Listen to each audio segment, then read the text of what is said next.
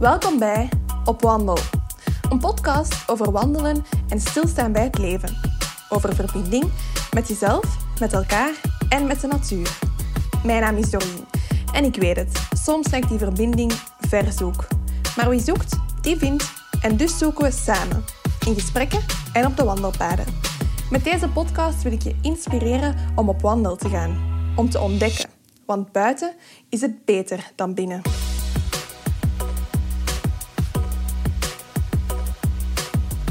Wandel gaat over verbinding. Dat hoorde je net in de intro. En een groot deel van verbinding gaat ook over zelfliefde. Jezelf graag zien, anderen graag zien, in alle vormen en maten. Vandaag gaan we het daarover hebben met Celine Rombouts van Healthy Habits. De meeste vrouwen onder jullie zullen haar waarschijnlijk wel kennen. Ze is diëtiste en een tijdje geleden startte ze met het delen van haar eigen gezonde gewoontes op Instagram. In no time werd ze super populair en het is nu wel safe to say dat ze een van de bekendste diëtisten is van Vlaanderen. Samen met Gudrun Hespel van The Fittest You helpt ze heel veel vrouwen dagelijks naar een weg vol zelfliefde. En wat ze doet is fantastisch. Enerzijds omdat de boodschap die ze uitdraagt zo juist aanvoelt. Anderzijds omdat ik enorme fan ben van vrouwen zoals zij, die voor hun dromen en ambities gaan. En daarom heb ik haar uitgenodigd om samen op wandel te gaan. We gaan het hebben over haar traject als ondernemer. Daar gaat het eerste deel van de podcast over. En het tweede deel gaat vooral over haar anti-dieetvisie. Hoe ze kijkt naar de dieetcultuur en de relatie tussen voeding en onze fysieke en mentale gezondheid. We hebben een gezellige wandeling gemaakt in de Wortelkolonie. Dat ligt in het noorden van ons land, tegen de grens met Nederland. Elke wandelaar kan er zijn hart ophalen in het meer dan 400 hectare groot natuurgebied. De wandeling zelf vind je op opwandel.be.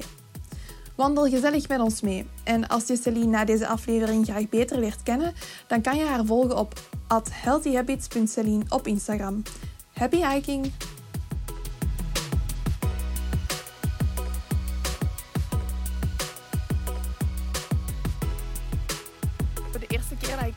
Opnam, want allee, ik had dat ook nog nooit in mijn leven gedaan, Nee, snap ik. Ehm, was dat ook echt tot in de puntjes voorbereid. En Ja. mijn, gast was ook totaal voorbereid en alle antwoorden stonden uitgeschreven op papier. Maar dan voelde je, Dat het minder spontaan was. maar ja, echt eh, gigantisch. Ja, en dan zo- zal er achteraf altijd zo wel iets zijn waarvan je zegt, oh, deze had ik moeten zeggen. Of, maar ja, kijk, het is ook een, een momentopname. Tuurlijk, ja, absoluut. En dat moet ook helemaal niet perfect zijn, hè? Inderdaad. Het is een beetje zoals een, een dagboek of zo, misschien Ja, op een bepaalde ja, manier. ja. Inderdaad. Oké, Celine, merci Yes. om met mij op wandelen te gaan. Ja, met veel plezier. Wandelt je veel? Eh, ik wandel eh, met periodes veel. Ik ga het zo zeggen, ik ga niet overdrijven en zeggen ik wandel superveel. Ik, ga, ik doe het wel heel graag. Mhm. Ik vind wandelen zalig. Het is de tijd ervoor maken. Ja, dat is prioriteiten stellen natuurlijk ook. Mhm. Ehm, ja, dat vaak iets moeilijker is. Ik heb een bouw. Ja, ik heb twee zaken. Mhm. Ja, en dan is het soms iets moeilijker om prioriteiten te stellen en, eh, en dat effectief te gaan doen. Mhm. Maar op zondag bijvoorbeeld vraag ik standaard aan Florian, ah, ga vandaag wandelen. Zeker Ah, ja. als het goed weer is. Zalig, hè? Ja. ik vind dat echt ook een goede manier om even zo weg te zijn. En dan zit je tenminste niet op je smartphone. Want ja. soms zit ik daar echt aan gekluisterd. Ook een heel slechte gewoonte wel. Ehm, maar dat is omdat dat deels mijn job is. Mhm. En ik vind het ook mijn taak om op mensen hun, hun berichten te beantwoorden. Ja, dus dan zit je daar snel heel wat uren per dag op. Mhm. En dan doet dat wel deugd om zo naar die natuur te gaan en even zo gedachten op nul te zetten. Ja, op pauze. Is dan ook vooral quality time met een vriend dat wandelen is? Of is het ook echt wel dat, dat rustgevende? Dat Wel echt dat rustgevende. Ik ik ben eigenlijk verschoten. Ik had pas zo'n een Lumina Spark test gedaan, zo'n persoonlijkheidstest. Ah, daar heb ik nog niet van gehoord. Van Ja. Lumina Spark. Ja, ik denk, ik, ik- denk dat het zo noemt. hè. Ik ben niet 100% zeker, maar dat zijn zo van die persoonlijkheidstesten. Dat is echt super, super uitgebreid. En ehm, ik dacht altijd van mijzelf dat ik super extravert was. Als in 100% extravert. En je bent eigenlijk eh, niet per se het ene volledig. Je hebt altijd een mix van de twee, introvert en extravert. En uit die test bleek dan dat ik he- vooral extravert ben. Maar wanneer er niemand naar mij keek, dat ik dan echt wel dat introverte kantje heb. Ah, ja. En dat is iets waar, waar ik mezelf wel in heb leren kennen en mee gaan stilstaan met van... Ah, ik heb dat wel. Ja. Dat kantje dat oplaat van alleen te zijn en van in de natuur te zijn. Eh, mijn vriend zegt wel altijd dat ik heel slecht alleen kan zijn. Ik vind dat niet. dus misschien omdat als hij er is, dan, Ja. dan ben ik zo van, come to me. Ja, ja. Eh, maar maar ik, ik ben daar eigenlijk, ik wist echt niet dat ik dat had. En dan uit die test, uit mijn coach legde mij dat nou uit, hè, dat het allemaal in elkaar zat. Mhm. En dan was ik zo van, ah, dus ik heb die kant wel. En nu, soms heb ik dat dan als bijvoorbeeld heel mijn familie er is. En het is super druk aan tafel. Dan kan dat voor mij ook echt te veel zijn. Oh ja, dat is herkenbaar. Ja, Ja, dat en je dan- zo, oh, oh, Echt zo, afsluiten. amai nee, deze is echt te veel. Dat ik ook echt zo even alleen ga zitten. Eh, om zo even zo mij daarvan te distancieren. Van nee, deze is echt too much. En ik moet zeggen dat ik dat nooit van mijn eigen had gedacht. Dat ik effectief zo was. Dus het is, denk ik, de combinatie van in de natuur zijn en even zo afgesloten zijn. Maar daarnaast zo quality time met Florian. Ja. Ja, wij, allee, wij hebben een bouw. Hij, ik heb een drukke job, hij heeft een drukke job. Dus we zien elkaar wel veel. Maar als, in, ja, als je samen bent, s'avonds, dan is dat nog wat tv kijken. En dat is zo niet de echte quality time. Hè? Ja, dat is zo de val waar veel mensen in trappen. Inderdaad, als je zo net ook gaat samenwonen en je doet van alles en dat je denkt dat de, voor tv zitten dat dat de quality time is, maar eigenlijk heb je Nee. meer nodig dan dat inderdaad. Ja, Dus, omdat heel veel mensen denken dat tv kijken je batterijen oplaadt. Of zo, eh, wat, wat ik vroeger ook zo had, is... ah, ik ben klaar met werk, ik ga ontspannen. En ik betrapte mezelf er dan op dat ik op Instagram zat te scrollen. Mhm. Dan dacht ik zo, ja, dit is eigenlijk helemaal niet ontspanning, want dit... Allee, hier krijg ik geen energie van, hier word ik niet per se gelukkig van. Mhm. En dat is erg, want je blijft dat soms wel gewoon lang doen. Ook al weet je dat dat u niet per se je batterijen ja. Maar dat is zo dat oud, vastgerust gedrag. En ook, bij mij zit daar ook, als ik nog maar zie dat ik Instagram berichten heb, dan wil ik die, nog, die, wil ik die antwoorden. En ja, zo die nood voelen om mensen te helpen online. Ja, Maar toch ook wel de balans zoeken in, ja, waar stopt het, hè? ja, Je hebt ook nog een, een privéleven. En, Dus dat is inderdaad die zelfzorg. Ja, en social media is natuurlijk een vervaagde grens op dat vlak. Hè. Normaal heb je je mailbox hè, waar dat je mensen op antwoordt. Maar ja, social media, dat staat eigenlijk altijd aan. dat is altijd. Ja. Wat ik al wel gedaan heb, en dat is nu echt al anderhalf jaar geleden, is al mijn meldingen afgezet. ja. Dus van Instagram, Facebook, mijn mail, eh, krijg ik allemaal geen meldingen van. Ik moet wel zeggen dat dat tijdens het werk mij helpt om geconcentreerder te zijn. Want als je constant die meldingen op je Apple Watch of op je smartphone ziet en, dat trilt, dan wil je de hele tijd kijken van, oh, wat is dat? En dan zijn je heel de tijd afgeleid en dat is zo vermoeiend. Dus dat heb ik echt al wel ondertussen tegen mezelf gezegd van, kom aan, die meldingen gaan eraf. Gelukkig. Ja, Ehm, je aandacht versnippert echt. Hè, als ja. je dat, ja, dat is waar. dat is echt niet normaal. Zeg maar, dus ja, social, social media is een beetje uw, een deel van uw job, of een deel Ja. van uw grote job. Voor de mensen die u niet kennen. Hè? Stel dat jij een boek mocht schrijven en wat zou er dan als korte samenvatting op de, op de achterkant staan?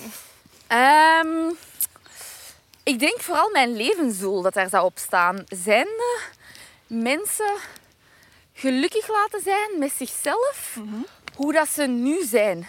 Dat ze niet moeten veranderen om gelukkig te zijn. Waarmee dat ik vooral altijd de, de chronische diëters aanspreek, omdat ik, eh, ja, ik ben diëtiste.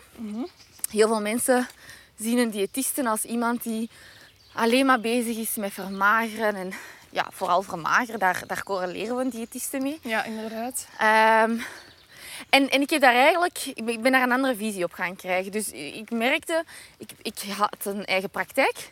Mensen kwamen bij mij van, hey Slink over alright, ik ga je helpen. Die kilo's die gingen er allemaal af, dat ging prima. Maar als die mensen mij na een half jaar terugbellen en zeggen, Celine, mijn kilo's zijn er terug bij, kunnen mij nog eens helpen? En die schaamden zich dan vaak dood. Omdat Eh, ze nog om- eens hulp kwamen Ja. vragen. Ja, dan dacht ik van, maar als ik hun echt had geholpen, dan moesten die niet terugkomen naar mij. Ik vind het heel fijn om die mensen terug te zien. Maar... En sommige mensen zeiden zelfs, ja, eh, ik kom naar u, want ik durf niet naar mijn vorige diëtiste terug te gaan, want ik schaam mij zo hard. En dat is het ding dat mensen eh, de fout, allee, of, of dat ze terug bijkomen, dat leggen ze bij zichzelf. Want ze denken, ik heb niet genoeg karakter om dat vol te houden. Terwijl, toen was ik mij nog niet bewust van alle studies rond ja, diëten en dat dat niet werkt. En Dus dan ben ik het anders gaan zoeken. En het is dus bewezen ja, dat dat dieet dus effectief niet helpt. 95% van de mensen die op dieet gaan, die komen hun gewicht uh, terug bij. Dus 95 95 procent. Dat is crazy. Dus, en van die 95 procent denk ik dat er een 60 procent zelfs meer bij komt dan hun oorspronkelijke gewicht. Ja, echt. Dus die statistieken zijn zot. Maar het zotte is dat mensen zichzelf wel als kwaadelijke blijven zien. Mhm. Terwijl het bewezen is dat het normaal is. Eigenlijk vanaf dat je op dieet gaat, je lijf weet niet, is dat hier een dieet? Of zit ik hier in een hongersnood? Mm. Zit ik hier, ben ik hier ontvoerd en heb ik hier geen eten meer? Je lijf weet dat niet. Dus wat je lijf direct gaat doen, is ervoor zorgen dat jij alles wat jij binnenkrijgt, uh, dat dat wordt opgeslagen. Door onder andere, dat is het meest gekende, een vertraagd metabolisme. Mhm. Maar daarnaast, je cellen voelen dat. En die gaan signalen uitsturen naar je hersenen van hé, hey, ik krijg hier te weinig energie binnen. Waardoor je hersenen net gaan reageren met extra cravings op koolhydraten, op vetten, op al hetgeen wat je waarschijnlijk van jezelf niet moogt. Ja, ja. Jij denkt dan, ik heb te weinig karakter, maar het is gewoon je lijf dat schreeuwt van, geef mij energie. Ja, voed mij. Voed mij, ja. En vandaar eigenlijk ben ik helemaal naar een andere insteek gegaan. Ben, heb ik gezegd van, kijk, als er, dat zijn echt studies met tienduizenden mensen. Dus, Over heel de wereld. Ja. ja. Dus dat, dat, zijn echt de, goede studies van niveau A, waarvan dat we weten, die zijn te vertrouwen, die zijn correct. Mm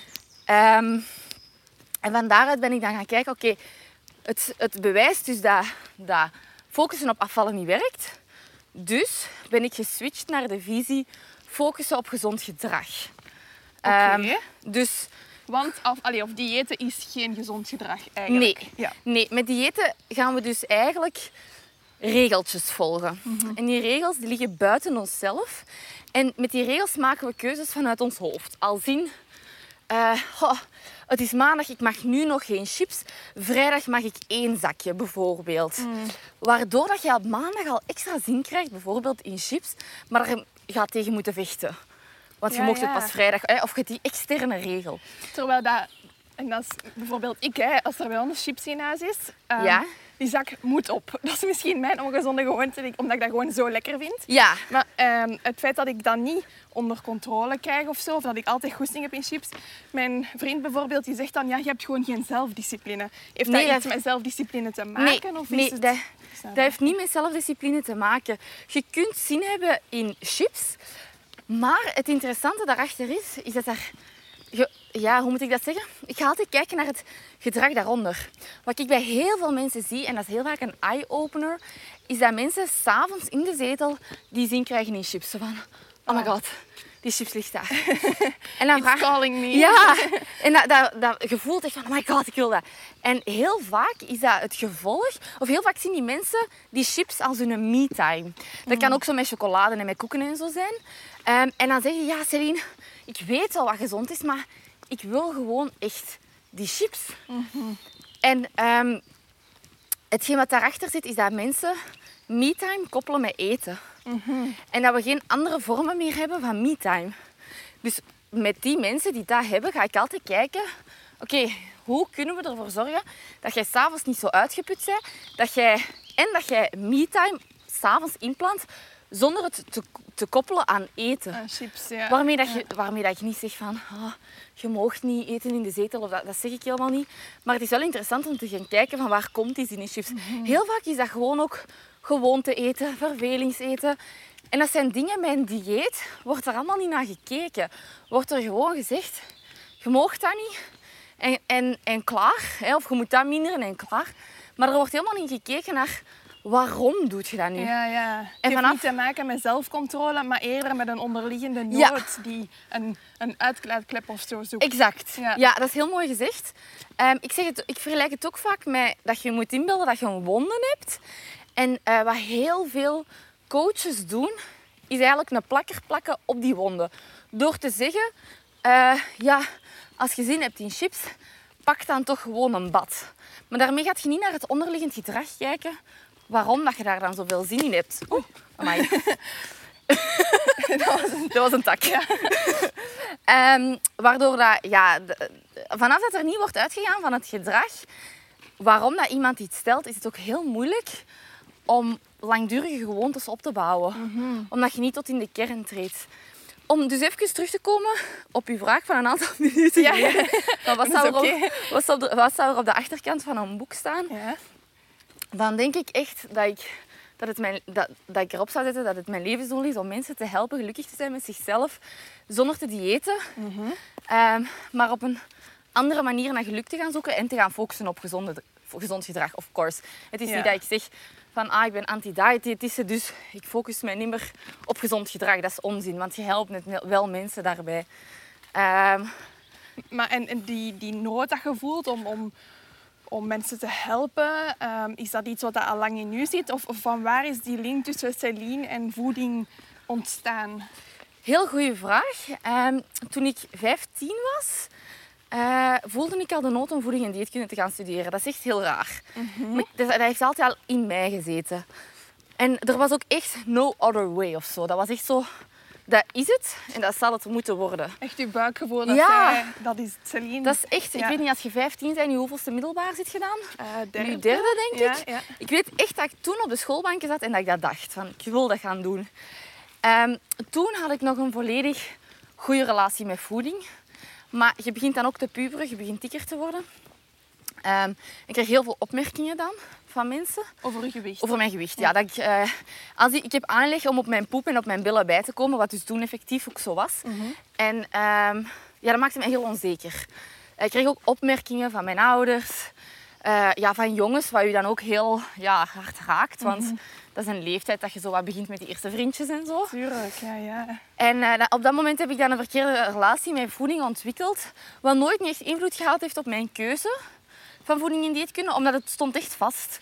Oh ja, dus je hebt die, die, die, die, die verstoorde relatie ontwikkeld nog nadat je besloten Ja. had om voeding... Ah ja, interessant. Ja, heel veel mensen denken dat dat andersom is. Ja. Omdat het, het lijkt logisch dat als je een verstoorde relatie met voeding hebt, dat je denkt van, ah, dan ga ik voeding en dieetkunde studeren. Want ja, als 15-jarige weet je niet dat je een relatie met voeding hebt. Hè. Je denkt gewoon, ik wil afvallen. Eh, maar dat- nu kijk ik daarop terug als in, ja, ik, ik had een mega verstoorde relatie met voeding. Ik heb hier heel veel, vaak over nagedacht om mijn eten uit te kotsen, om eh, zo weinig mogelijk te eten. Eh, ik heb een, een sportverslaving gehad, zou je nu niet meer zeggen, maar heb ik dus effectief Ah ja, oké. gehad. Ja, dus ik ben door heel veel verschillende fases gegaan. Als ik nu zo door mijn Facebook tijdlijn zo kijk, je kunt dat zo zien, zo herinneringen van vroeger. Dan de ene maand woog ik echt 10 kilo meer dan de andere maand. Omdat ik zo hard, Zo aan het jojo, ja. zo aan het jojo was. Jojo, ja. Jojo, ja, inderdaad. En is dat denk je iets waar dat alle pubers op een bepaald moment doorgaan? Of Ik denk of- zeker niet alle pubers, want dat hangt heel hard af ook van je omgeving. Begint je opmerkingen te krijgen, dan denk ik dat je sowieso al een verhoogd risico hebt. Maar zijn je ouders eeuwige diëters, heb je ook een verhoogd risico. Maar zit jij in een gezin waar dat daar... Ja, waar dat helemaal niet over diëten wordt gepraat en heb jij een supergoeie vriendengroep dat daar ook niet mee bezig is, dan denk ik dat je daar veel minder aan bloot wordt gesteld.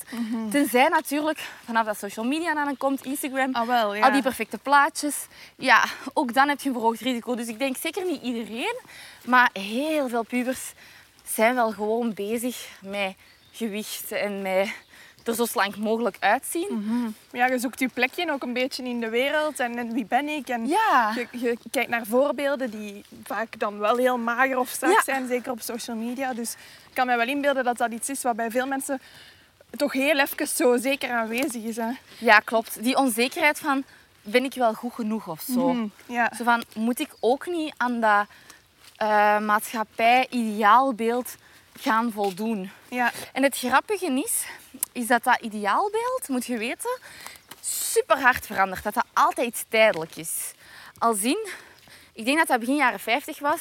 Schiet mijn, mijn hoofd niet af als het niet zo is. Maar dan is zo toen, als je in het begin jaren 50, denk ik, hè, eh, slanker en di- eh, dikker waard en bleker, dan voldeed je aan een ideaalbeeld. Oh ja, zo gelijk de Marilyn Monroe Ja. van die tijd. Ja. Ja. En dan is er ook nog... Allee, er zijn zo verschillende ideaalbeelden eh, gekomen. En het ding is dat dat dus altijd tijdelijk is. De ene keer, ze hebben vroeger ook echt ja, aangeraden om te roken, om af te slanken, lintwormen in te nemen. Lintwormen in Ja. te nemen. Ja. Ze hebben zelfs... Ja, en, en dus... Allee, dat kon echt... ehm, over een aantal jaar werd je hè, de dikste waard je de mooiste. En dan ineens was het de slangste. Je kunt nooit voldoen aan dat ideaalbeeld. En zolang dat je daarnaar blijft streven, denk ik gewoon niet dat je oprecht gelukkig bent.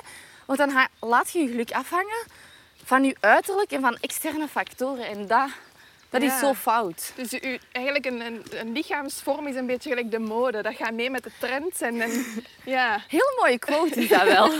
toch? Eh, ja, klopt, volledig. Dat, Ja. dat is, ja, dat verandert zo hard door, door in de jaren.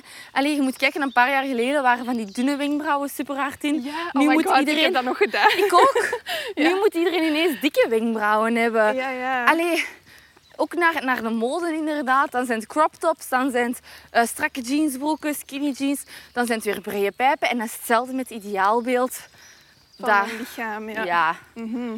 En dan, oké, je bent erdoor geraakt. Je bent dan voedings- en dieetkunde gaan doen. Je bent Ja. gaan werken als gewone diëtiste dan. Ja, klopt. Ja. Dus ik heb eerst eh, in een eh, groepspraktijk gewerkt. eh, waarmee ik dus ja, mensen helpte om, om, om af te slanken. En dat, ja, dat ging in principe wel prima. Hè. Ik zeg het, tot op, op het moment dat die mensen terugkomen en zeggen dat ze terug willen komen. Ja, dan, dan besefte ik van oké, het werkt dan toch niet. Ja. Ehm, dus ik ben daarmee gestart en dan... Mijn, mijn droom was eigenlijk uitgekomen. Ik had nooit niet gedacht dat ik hier nu ging staan, want ik dacht dat ik mijn droom eigenlijk had, had verwezenlijkt Ja. omdat ik in, een, eh, in het Universitair Ziekenhuis van Antwerpen aan de slag kwam. eh, als kinderdiëtiste. Oké, ja. Ah, en I love kids.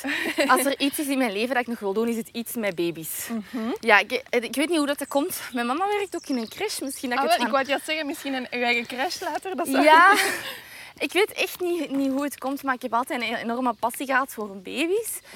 Ehm, ja, en ik kwam daar dan als diëtiste terecht voor ja, onder andere baby's, maar ook peuters, kleuters. Alles tot 18 jaar in feite.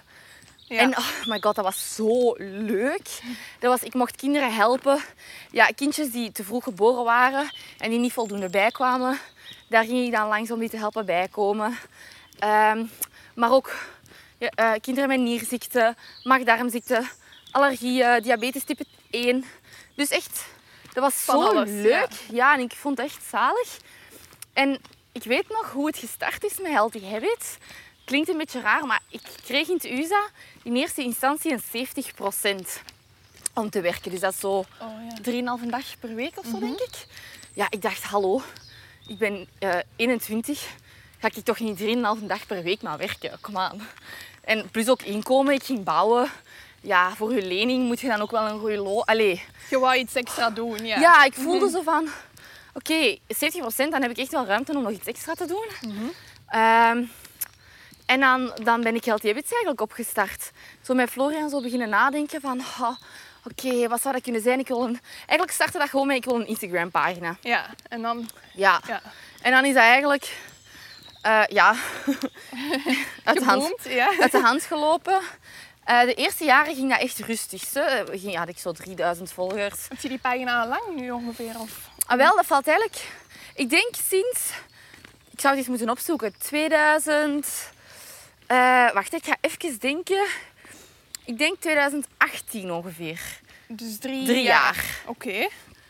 Ja, Dus, ja, al- ik kan al even tellen. Je bent Kan al eraan aan het bouwen ja dan. voilà. En in het begin gaat dat heel gestaag. Maar die, die volgers, dat boeide mij ook echt helemaal niks. Ik dacht echt gewoon, ik wil mensen helpen. Ja. En, en ik kreeg dan zo, als ik dan uitging, dan zeiden mensen, maar Celine, je pagina, dat is zalig. dus ik dacht, oh my god, ik ben mensen aan het helpen. En het ding is, als je dan goede waarde levert, dan, dan groeit je ja, sneller. Want die mond-aan-mond reclame gaat heel snel van, oh, je moet die volgen en bla bla bla. Ja, en dan is er een moment geweest dat de krant mij had gecontacteerd, de Gazet van Antwerpen. Oké, nice. En ehm, ja, voor een interview. En ik had op dat moment 5000 volgers, dat weet ik echt nog heel goed. En dat heeft mijn leven veranderd. Ik ben die journalist ook echt, ik heb daar nog contact mee. Ik ben die ook echt heel dankbaar, want zij heeft ervoor gezorgd door mij te interviewen dat alles is veranderd. ah ja, dus dat ene interview Ja. was echt ineens dan dat Ja. het ontploft is eigenlijk. Echt, dat was niet normaal. Dus dat was dan zo'n ehm, rubriek wereldberoemd. En er zijn heel veel volgers ook op die manier bij mij terechtgekomen. En ehm, ja, dan werd ik gewoon geïnterviewd over wat mijn passie was en wat ik dan deed. En, en ik deed toen in de winkels nog heel veel shopvlogs. Ik weet niet of dat je mij toen Ja. al volgde. Eh, toen nog niet, maar ik heb dat nu nog... Je doet dat soms nog? ja, ik doe dat soms nog. Eh, ja, ik vind dat zelf heel fijn, maar met corona ga ik minder naar de winkel, dus is dat nu een beetje verminderd. Misschien de mensen die je nog niet volgen, wat, wat doe je dan precies? Ah, Wel, dus ik ging dan altijd naar de winkels en ik liet dan zien van kijk, dit zijn voedzame producten om te kopen en die zijn lekker. Ik vond dat heel belangrijk dat ze ook lekker waren. Eh, Op ja, basis van de verpakking ja, eigenlijk. Ja. op basis van verpakking inderdaad. Dus ik keek dan, ja, bij de wraps kijk ik dan naar vezels.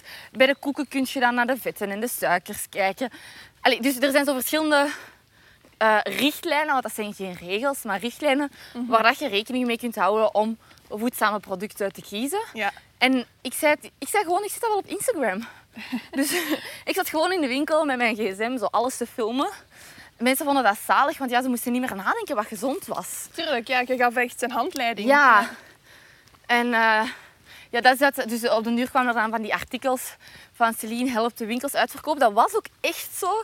Ik, weet, Echt? ik had maïswafels aangeraden van de Albert Heijn. Toen ik dat op Instagram had gezet, waren die in Albert Heijnen uitverkocht. Ik kreeg Maar- echt foto's van lege winkelrekken. Dat was echt... de- Ah, ik vond dat- cool. Ik vond er echt- van te kijken. ja, ik vond het zo graaf. En nu heb ik dat soms nog, als ik er zoiets op zet, dat mensen zo... Ik weet niet, dat, dat ik echt zo lege winkelrekken aankrijg. Dan denk ik, amai, dat is zo krachtig, dat, dat, die social media. Ja, wauw. Sommigen zeggen, ah, je moet daar een businessplan van maken. En ik van, nee, ik vind dat gewoon leuk om, om te delen zonder dat daar iets verder van businessplan of, of ah, ja, aan vasthangt. Ja. En dat artikel, ja, daar stond het dan allemaal in. Het was een superleuk artikel. En dat was net, de timing was ook wel perfect. Dat was net met de feestdagen dat dat uitkwam. Heel veel mensen willen dan op dieet. En hadden toen mijn visie dus gevonden. Ja, waardoor ik, denk ik, op 24 ja- uur tijd 3000 volgers extra had gekregen. Waardoor dat, ja, er zitten connecties tussen. Dus ook een aantal profielen met meer dan 100.000 volgers. En die begonnen mij op zijn beurt te delen, zonder dat ik daar naar had gevraagd of zo. Ja, en dan ging een bal echt rollen. Dan, ja, het was vertrokken. ja, dan kreeg ik op een maand 5000 volgers erbij. En dan, ja, nu zit ik op 70. En, maar ik probeer Ja, nog altijd wel geen waarde te hechten aan dat getal. Nee, maar het wil toch wel zeggen dat je op een bepaald moment ehm, vanuit je eigen buikgevoel een nood hebt gevonden bij de vrouwelijke bevolking dan Ja. vooral. Die toch blijkbaar heel aanwezig was en jij biedt een antwoord. Dus dat is wel heel chic dat je dat, Ja. dat, je dat onbewust eigenlijk een beetje hebt gevonden. Zo. Ik denk het, hetgeen waar ik het meest trots op ben, is dat. Ja. Dat ik mensen echt help met een, een nood dat er is. En ik kreeg nu, want ja, natuurlijk, daar moet een, een businessplan ook bij zijn. Ik, allee, jij moet geld verdienen, ik moet geld verdienen, iedereen moet geld verdienen. Ja. En eh, dus daar zit een, een bepaalde marketing ondertussen achter. En ik kreeg nu toevallig afgelopen week een berichtje van iemand die zei: Celine, ik vind het jammer dat je zo aan marketing doet, want dat maakt u minder authentiek. En dan, Marketing. En eh, hoe dan bijvoorbeeld? als in, wat ga ik als voorbeeld geven? Bijvoorbeeld als ik zo'n reeks, shop, reeks shopvlogs heb gemaakt. Mhm. hè, mensen willen weten van hoe lees ik dat nu juist? Ja, daar heb ik dan een cursus voor. Oh, dus ja. ik, ja, omdat ergens moet je ook wel een grens afbakenen met... Dit is mijn kennis als diëtiste en ik kan niet alles prijsgeven. Tuurlijk, ja, ja. Allee, dat, dan zou ik ook niet in overberoep kunnen zijn. En zou ik ook niet zoveel informatie kunnen geven. En ik, heb, ik ben dan met haar in gesprek gegaan, want ik vond dat interessant om te horen. En ik zei van, kijk, je moet het... Of probeer het eens op, misschien op een andere manier te bekijken. Eh, want het, zoveelste beter mijn marketing is, zoveelste meer mensen ga ik bereiken ja. mij echt gelukkiger te worden. En, en ze zei dan van ja, maar ja, dat is toch vaak gewoon gericht op geld. Ik zei, het klopt, hè, bij, de, bij de diet culture is dat zo. Hè, is dat gewoon hier een DNA-test, 300 euro en je weet alles. Ja, bon, dat, dat, is echt helemaal niet onderbouwd. Kost dan keihard geld. Dus ik zei, ja, klopt, bij, bij, bij sommige ja, dingen zal dat zeker en vast zo zijn. Ik zeg maar, dat, er is ook een vernieuwing in gekomen in marketing die echt helpt. Tuurlijk, maar en het is ook win-win, want door het feit dat jij daar ook iets kan aan verdienen, kun je weer terug investeren in jezelf Exact. en je kennis uitbreiden. En Zo probeer ik het inderdaad echt ook te zien. Van, oké, het gaat nu supergoed. Ik ben daar kei dankbaar ook voor. Eh, ik wil nu een marketeer aannemen dat mij daarbij nog gaat helpen. Maar op die manier kan ik mij gaan focussen op nog meer mensen gaan helpen. ja, ja. En dat vind ik alleen maar positief eigenlijk. Dus ja, dat is echt Ja. zo je weg een beetje zoeken, denk ik. Heb je Want allee, als je het nu zo vertelt, dan lijkt het alsof het allemaal echt vanzelf is Ja. gegaan. Allee, ik ben ook een ondernemer, ik ben ook keihard aan het zoeken en aan het struggelen. Ja. Wat zijn voor u zo de moeilijkste momenten geweest in heel dat traject om, om te geraken waar dat je vandaag nu staat? Ehm, ik denk eh, de moeilijkste momenten zijn de momenten waarop ik begon te vergelijken met collega-diëtisten. Die is wel beter als mij, denk ik dan altijd. Allee, ondertussen heb ik dat een beetje kunnen loslaten. Eh, dus dat zei, ik heb echt regelmatig wel echt zo van die downs gehad. Gewoon puur uit vergelijken. Ehm, wat vond ik nog moeilijk om een... Ik ben van, gestart vanuit gratis. Alles gratis. Jij ook. Ja, eigenlijk wel. Ja. Ja, En, en het is heel moeilijk om dan eh, je platform ook te gaan richten naar betalende cursussen. Ja, want je wilt authentiek blijven zo, hè? Ja. maar ja, er is, dat is altijd zo dubbel, inderdaad. Ja, want ik, Ja. Ik, ik wou niet dat mijn authenticiteit wegging.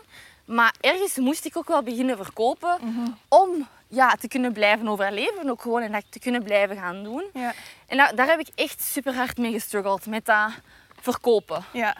om recht te blijven. Eh, dus dat, dat, dat, dat was ook wel echt een moeilijk moment. Ehm, ja, en out of je comfortzone gaan, denk ik algemeen. Eh, uw eerste lives doen. Eh uw eerste Instagram TV opnemen. Oh my god, ja. Eh, dus dat zijn allemaal zo wel van die eh, ja, moeilijke, ja, enge momenten. Ja, dat lijkt zo alsof als iemand daar dan naar kijkt, alsof dat, dat u afgaat, gelijk niks. Maar inderdaad, er is altijd wel die eerste keer dat je dat moet Jawel. doen en die hurdle dat je moet overne- overnemen om, om er te geraken. Ja, effectief, en het is vanaf dan, eens dat je dat ene keer hebt gedaan en je krijgt daar een aantal leuke reacties op, dan heb je die vibe echt te pakken. Mhm. Dan voel je zo van, ah, mensen vinden het leuk, ik help mensen. Ja. Oké, maar die, oh, ik was daar, daar straks nog aan aan het denken. De eerste keer dat ik zo'n story had opgenomen, zo waarin dat je zelf praat, Ja, maat. Het is echt super scary, want ja, uiteindelijk, uw vrienden en zo kijken ook mee. Uiteraard. Ja, En ja. uw mama kijkt mee en, en uw vriend kijkt mee. En die zien u dan ineens op een scherm praten. Ik weet dat ik dan ook zo wel wat reacties kreeg van... Oh nee, dit is niet goed. Of ik zou dat niet meer doen. Ja, dat ik echt dacht van... Oei, ik zal ermee mee stoppen dan. Maar dat zijn van de mensen die in uw dichte omgeving zitten. En Had die ik- willen beschermen. ja, ja, ik denk het wel. Want het is ook wel zoals te meer dat je ja, door de buitenwereld wordt gezien, zoveel te meer oordeel is er ook over u. Zoveel te meer kritiek kun je ook krijgen. Uiteraard, ja. ja. En ik ben echt... Ik weet eigenlijk niet of mensen dat weten, maar ik heb zo'n klein hart. Maar echt, ik kan echt voor het minst... Als er zo op familie een uh, is, dan ben ik echt mee aan het Ah wenen. ja, oké. Ja. Ik, ken het. Ja, Voor het minst, een vriend van mij had onlangs ook een mini-documentaire gemaakt. Eén minuut heb ik gekeken en ik was al, ik was al Ja. vertrokken. Dat is echt, en ja, zo bepaalde gebeurtenissen kunnen mij zo mijn hart raken. Kritiek ook. Allee, nee, kritiek ondertussen niet meer, vroeger wel. Eh, en ja, je omgeving wil je daar toch wel tegen beschermen. Van niet eronder door te gaan aan kritiek. En wat ik ook wel moeilijk vond, bedenk ik mij nu ook ineens een moment, is ehm, een balans gaan zoeken Ehm, in dat ondernemen, hè. Ik blijf dat moeilijk vinden. Tussen authentiek zijn op Instagram, maar ook geld moeten verdienen. Ja. Ik vind dat echt een hele moeilijke balans. Ja, oh, ik, ja, ik snap het inderdaad. En ja, omdat je bent jezelf en je verdient Ja. eigenlijk geld met jezelf te zijn. Zo, Ja. ja. Mhm. Ja, en soms... Allee, ik ben heel blij dat ik het kan doen. En, en ik krijg heel weinig kritiek. Ehm, maar ja, de keren dat er dan ja, negatieve reacties of zo komen, vind ik dat altijd wel jammer. Ja. mhm. Dat ze van, oh, moet dat nu? ja, waarom, waarom doen mensen Ja. dat inderdaad? En nu, want nu bent je eigenlijk misschien, safe to say, een van de bekendste diëtisten van België. Ja, ik vind dat altijd raar om te horen. Is het zo, ja? Ja. Als mensen mij dan aanspreken, want af en toe word ik herkend dan, dan denk ik zo, maar girl, ik ben gewoon Celine. Ik ben, allee, ook Celine van LT Habits of Records en ik vind dat leuk dat dat gelinkt wordt aan elkaar. Maar ik ben echt een doodnormaal mens. En ik voel me dan altijd zo wat van, ik vind dat leuk natuurlijk, hè, want anders zou ik dat ook niet verder blijven doen. Maar zo dat er gezegd wordt van ja, Eh, dat wordt vaker gezegd, een van de bekendste diëtisten of, of coaches of, of hoe dat je het ook wilt noemen. Ja, ik, ik weet niet waarom dat, dat zo raar voelt. Ik denk omdat dat iets is wat ik altijd heel graag heb gewild. En nu Eh, eindelijk en is nu is er dat. En vind ik dat ergens zo van, my god, dat is er, maar dat voelt zo, ja, ik weet niet, comfortabel, maar ook oncomfortabel. Mhm. Omdat ik niet wil dat mensen mij gaan zien als een BV of zo. Omdat ik gewoon Celine ben of zo. Ja. Klinkt kei raar, hè? Nee, maar ik snap het wel. Het is ineens ook een stempel of zo die Ja? je krijgt. Ja.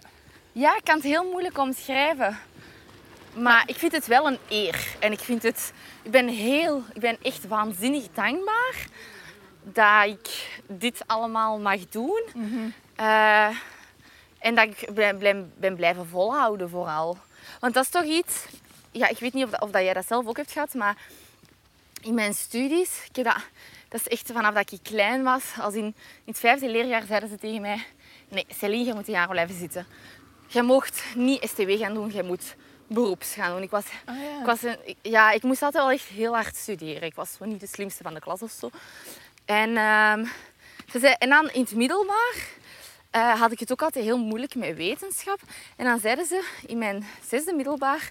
Nee, Celine, jij moet geen voeding en dieetkunde gaan doen. Ik weet nog dat ze dan verpleegkunde tegen mij zeiden. Terwijl verpleegkunde is ook super, super moeilijk. Dus ik snapte ook niet van waar dat het dan kwam. Die deden zo precies van, dat is gemakkelijk, dat is meer iets voor u. Terwijl ik val al flauw als ik bloed zie, bij wijze van spreken. Dus Dat, is ook iets met dat denkbeeld ook in ons schoolsysteem dat niet klopt. Echt, dat klopt niet. Ja.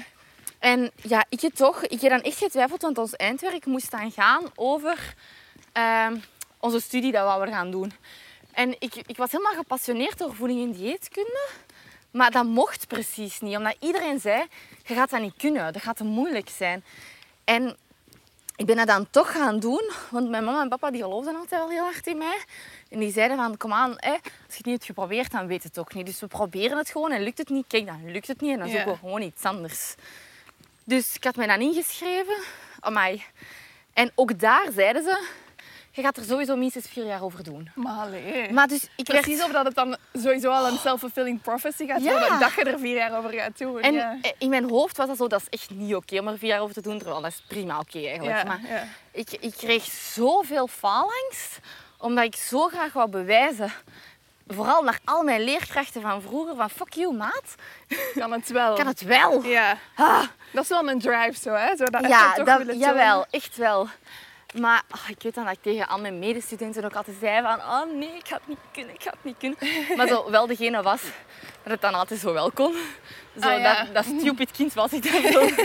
Eh, het eerste jaar had ik wel vijf examens. En eh, ja, bon, ik denk dat is iedereen bij in zijn eerste jaar. Je moet zo wat zoeken, hoe werkt dat? Ja. Eh, en en faalangst, niet normaal. Mhm. Tijdens mijn examens vond ik echt gewoon te wenen als een kind. Echt? Ja, Allee. zo van, ik weet het niet meer. Gewoon echt door die faalangst, die druk om goed te doen voor anderen. Dat is dan in de loop der jaren verminderd. En heb ik gewoon op drie jaar mijn diploma gehaald. Bijna met onderscheiding.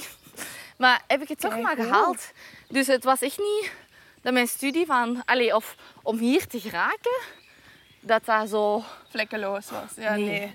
En het zijn net die moeilijke momenten die je waarschijnlijk geholpen hebben om, Ja, om nu te geraken. Ja, en waar dat ik ook wel merk dat ik andere mensen mee inspireer die hetzelfde ehm, hebben meegemaakt. Van altijd dat er langs buitenaf wordt gezegd, je gaat het niet kunnen. Eh, en het dan Ja, ja. uiteindelijk ja, wel kunnen.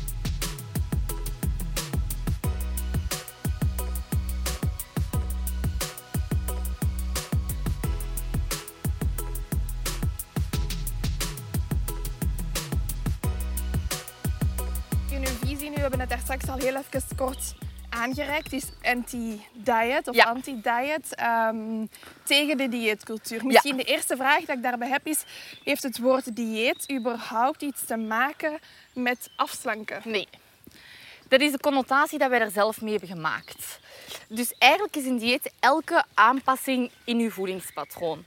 Heb je een allergie, eh, een pindaallergie, ik zeg maar even niet, dan volg jij ook een dieet. Maar dat is geen afslankingsdieet. Dus Oké. dat is, eh, het is zeker niet dat een dieet aan zich wil zeggen dat het afslanken is. Een dieet is gewoon wat je eet. Ja, Oké. Ja, in principe wel, inderdaad.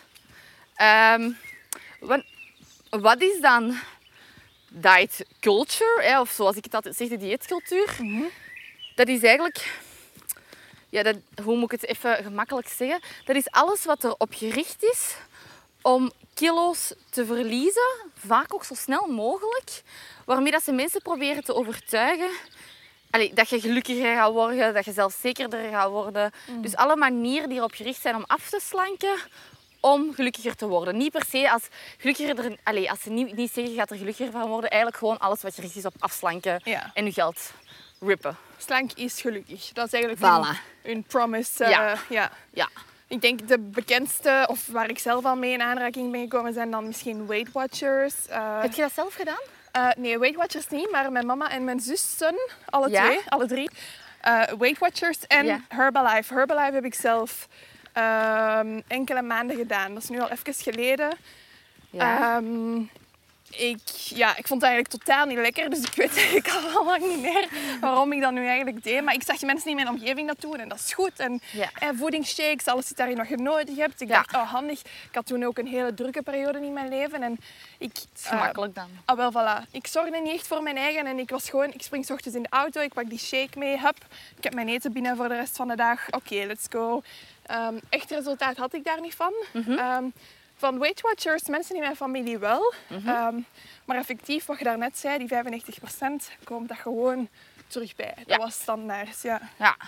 Ja, dat is zo Weight Watchers en eh Herbalife. En ik denk de twee meest gekende ook. Nu komt zo ook wel keto en intermittent fasting. Dat is er natuurlijk ook. Er zijn heel veel vormen van diet culture en van diëten. Ehm, maar, maar Herbalife, heel toevallig, eh, heb ik gisteren nog over gepost. Ehm, maar dat is, zo, dat is eigenlijk een piramideverkoop. Hè. Dus dus zijnde dat... Dus ze overtuigen je eerst om het zelf te doen, om dan... Dus veel mensen vallen daar heel snel mee af op korte termijn. Gewoon omdat je in een calorietekort zit. Als je in een calorietekort zit, gaat je altijd afvallen. Dat is gewoon zo. Ehm, en, en het ding is, mensen gaan daarmee afvallen, gaan hun voor- en na-foto's eh, posten, worden op die manier zelf ehm, coach. Om dan weer andere mensen te gaan aanspreken, wilt je dat ook doen. Ja. Dus die mensen dat dat verkopen, ik zeg zeker niet dat dat slechte mensen zijn, want die weten vaak ook niet dat dat aan zich echt slecht is. Ik had een collega diëtiste dat daar onderzoek naar had gedaan, naar de producten van Herbalife. Ja? Die kwaliteit is ondermaats, Allee. maar echt ondermaats. En eh, de prijs is echt 20 keer zo duur dan gewoon gelijkaardige producten dat je in de winkel ook kunt vinden. Maar hoe Ehm, komt het dan dat ze daarmee wegkomen? Want allee, een product dat in de winkel ligt, gaat, ondergaat controles, denk Ja. ik dan. En dat is dan ook een voedingsproduct. Moeten die dan ook niet zo'n soort fact-check krijgen? Of, of hoe, Heel goede vraag. Ik weet niet waarom dat, dat überhaupt nog mag bestaan. Ik denk dat daar vooral ehm, geld achter zit. Hè, dat, dat is zo'n waanzinnig grote ja, geldmachine. Ik, ik heb die cijfers geweten, maar dat gaat echt... Ja, dat is niet normaal, die cijfers. Je spreekt echt over... Ja, echt heel... Ja, ik wou, ik wou, ik wou een getal opplakken, maar nee, ik ga het niet zeggen, want ik weet het echt niet. Heel veel nullen. Oh, echt heel, ja, voilà, heel veel nullen. En ik denk dat daar gewoon geen regelgeving rond is. Hmm. Dat is hetzelfde als met detoxen. Eh, daar zitten heel veel, s- allee, heel vaak zit daar senna in. En senna is eigenlijk een eh, laxeermiddel. Heel veel mensen weten dat niet. Ik denk altijd mensen weten dat, maar heel veel Nee, mensen weten dat dat nog niet. Ehm, Zo'n bekende influencer met 30.000 volgers verkoopt ook op Instagram. Ehm, en dat- bij haar zit daar dus senna in. Dat is super schadelijk voor je darmen, want je darmen worden daar lui van. Want letterlijk als je dat dus doet, ja, gaat je keihard vocht verliezen. Omdat er ten eerste laxeermiddelen in zitten. Je krijgt ook gewoon te weinig calorieën binnen. Dus je gaat ook alles letterlijk, je zit de hele tijd op de wc, alles uit de kakken, bij wijze van spreken. En dan lijkt het alsof, oh ja, het is goed, het is hier aan het cleanen. Mensen trekken foto's, slanke buik, minder opgeblazen. Wat heel logisch is door die laxeermiddel. Maar ik heb dat ook een keer op Instagram dus naar gepolst. En ehm, de gevolgen daarvan zijn echt niet normaal. Heel veel mensen met, eh, daarna met luie darmen, prikkelbare darmen. Die dus, en die dus laxeermiddelen moeten blijven nemen heel hun te leven lang. ja. Om dus naar de wc te kunnen gaan. Amai, zeg. Ehm, heel veel hoofdpijn. En ik, ik had pas eh, zat ik op haar Instagram omdat ik weer iets had doorgekregen. En was er zelfs een meisje met leverkanker dat haar dingen aan het promoten was. En, maar die had cortisone. Cortisone houdt vocht op. Eh, en, ha- en die, die shakes of die, die detoxen hielpen haar om dat vocht af te drijven. Amai. Maar dat is, dat is gewoon echt medisch onverantwoord. Je hebt kanker. Ah Dat is, ja. dat is, dat is en dus zij had daar dus echt een live mee gedaan op Instagram met dat meisje met leverkanker. Om dan een review te, te verzamelen. En dat is diet culture. Maar en heeft die persoon dat dan zelf door, dat daar iets fout mee is? Of is dat, Nee. zoals gezegd, ja, het geld dat drijft? Nee, Ik denk niet dat ze dat doorhebben of dat ze dat weten. Want ja, anders zou je dat denk ik, hoop ik, eh, niet doen. Ehm, ja, en wie ben ik om die mensen dan te gaan sturen van... ah, wie, allez, zo ben ik dan ook wel niet. Ja, ja. Sommige mensen hebben ook oogkleppen op. Hè. Willen het ook niet zien. Hè. Dat dat erin zit of dat dat slecht is. Er zijn heel veel mensen die ook niet klaar zijn voor mijn visie. Mijn visie focust dus op... Die is gewichtsneutraal. Dus dat wil zeggen dat iedereen op welk gewicht dat hij of zij nu is... ehm, niet op een dieet moet of gaat, maar gaat focussen op, op, op gezond gedrag.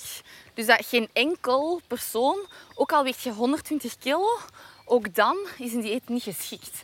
Omdat niemand verdient het om in een hongersnood te komen of in een, allee, om, om, om die negatieve gevolgen van diëten te hebben.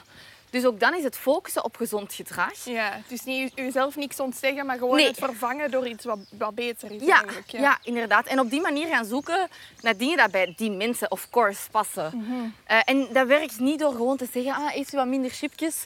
Want dat werkt niet. Die mensen weten dat. Dus je moet verder gaan kijken dan dat. Oké, waarom eet je chips? Ehm, welke emotie zit daarachter? Welke behoefte zit daarachter?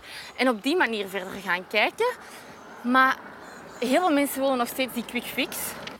Allee, dat is wat diet culture doet. Hè. Die zijn echt... Ja, die zwemmen in het geld omdat die leven op mensen hun onzekerheid. Ja, ja. Ja, en als, als jij echt diep van binnen super onzeker bent of hoe, over hoe dat je eruit ziet, wat heel veel vrouwen hebben, dan denk je dat het geluk zit in zoiets. Mhm. En geeft je daar met plezier 300 euro aan uit. Als dat je geluk is, Ja, wat is die 300 euro dan? ja.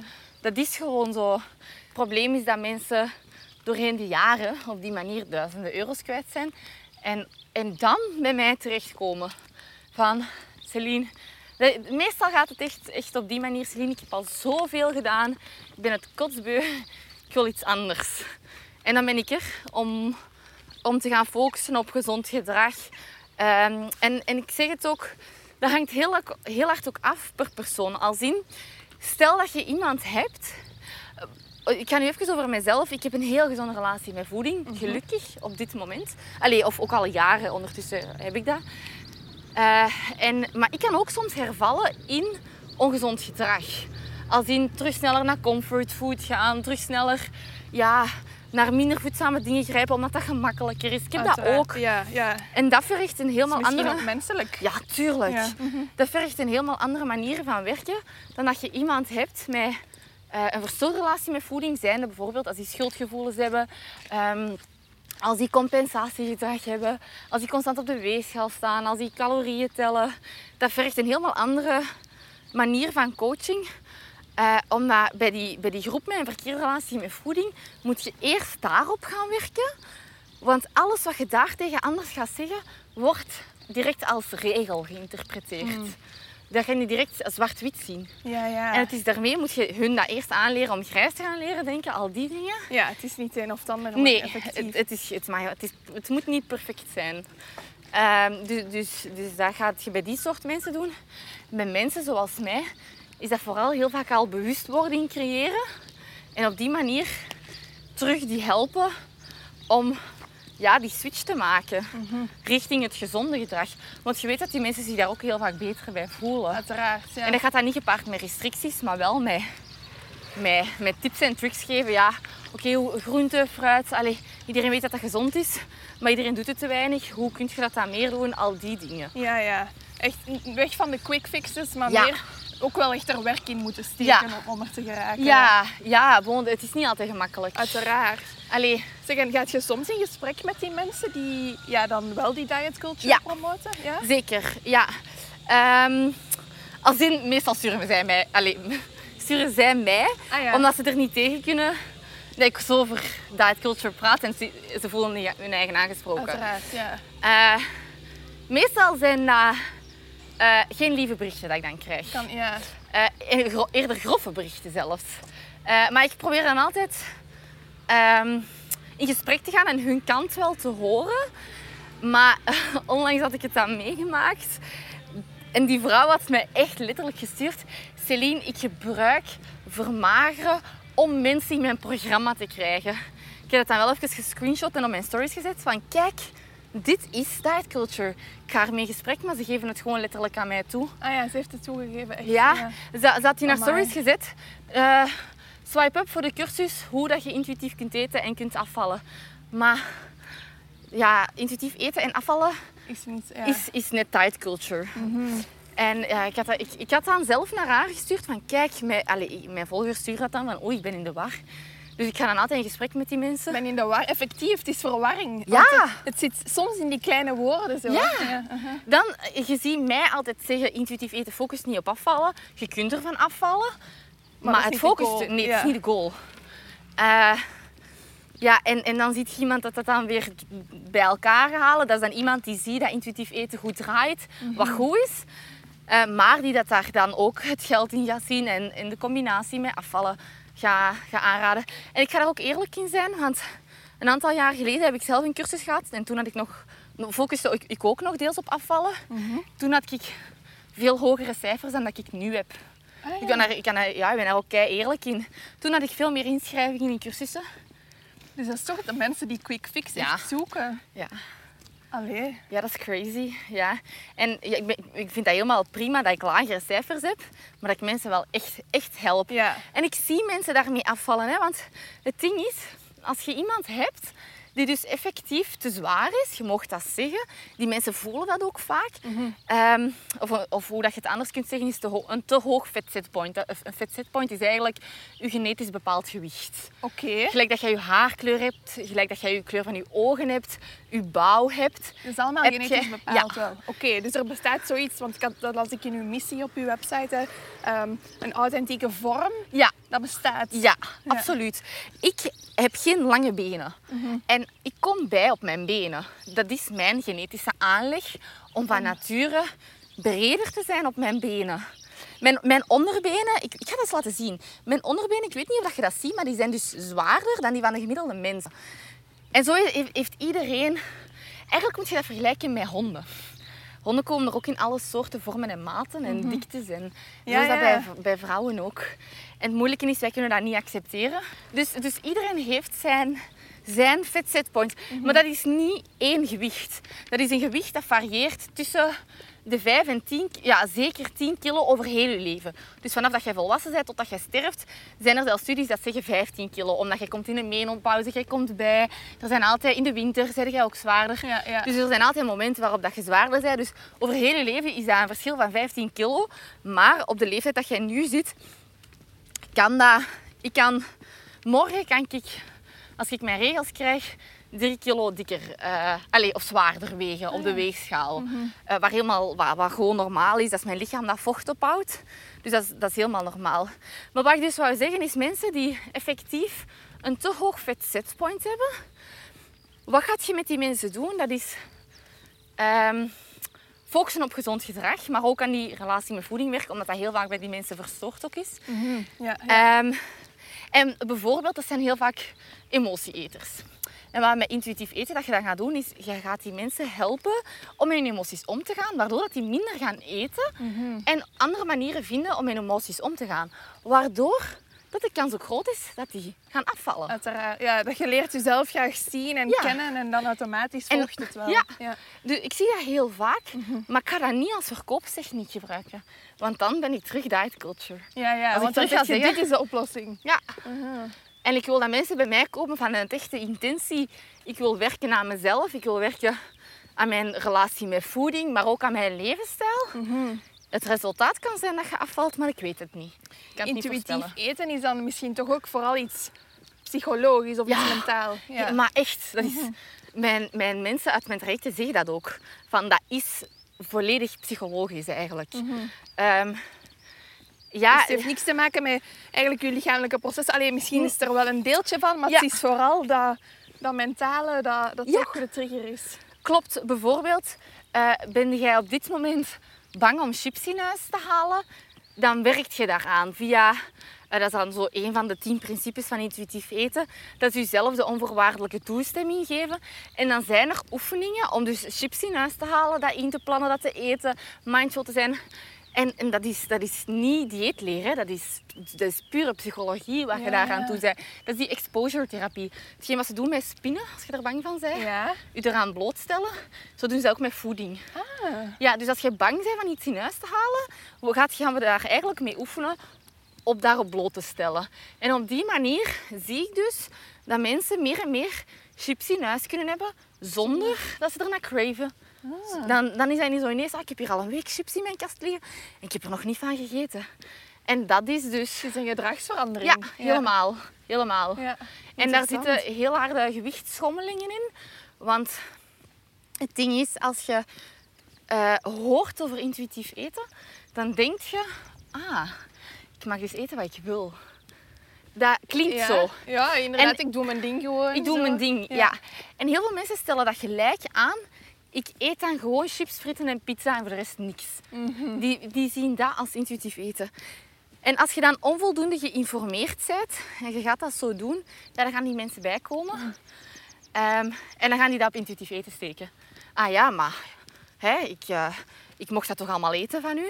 Dus ik altijd, ja, je mocht dat van mij, maar wilt je het ook zelf? Ja, Want voel, niet dan. jij jezelf goed bij dat allemaal te eten? En dan is het antwoord heel vaak, ja, nee, eigenlijk niet. Mhm. Dan is het niet intuïtief eten. Nee. Want het moet vanuit je diepste van binnen ook goed voelen.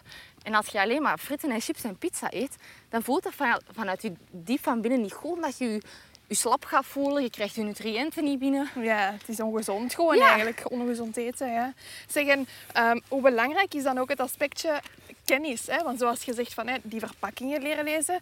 In alle eerlijkheid, ik weet niet wat erop staat. Ik, ja, pff, ah, het is zoveel ook is allemaal. zo Chinees. Ja, Wel, ehm, he- heel belangrijk, jij hebt een, een gezonde relatie met voeding, veronderstel ik. ik denk dat. Behalve dan met chips. Dat is oké. Ehm, maar, maar als je iemand hebt met een volledig gezonde relatie met voeding, dan zou je dus ehm, verpakkingen kunnen lezen. Als in, dan gaat je leren lezen op ingrediëntenlijst en op voedingswaarde. Dat is, dat is helemaal niet, eh, niet ingewikkeld. Je moet gewoon weten naar wat je moet kijken. Als ik u zeg, een wrap, daar pak je een voedzame keuze. Als er, minst, als er minstens 4 gram vezels per 100 gram in zit, dan weet je, ah, ik ga op een wrap naar de voedingswaarde kijken, naar de voedingsvezels. En als daar twee staan, dan weet je, dat is geen volkoren. Oké, ja. Dus zo kun je aan de hand van die richtlijnen gaan kijken, ah, heb ik hier een wrap dat, waar veel voedingsvezels in zitten? Want voedingsvezels zijn gezond voor onze gezondheid. Ja. Ehm, En, maar dus wat je zei, is dat al- alleen voor mensen met eigenlijk al een gezonde relatie Ja, met eten. want in het verleden heb ik dat ook gedaan bij mensen. Toen zat mijn, mijn, eh, mijn aanbod zat toen gewoon nog niet op punt. Dus ik bracht die cursus uit. Maar er zaten ook mensen tussen met een ongezonde relatie met voeding. En wat die gaan doen, is dat compleet zwart-wit bekijken.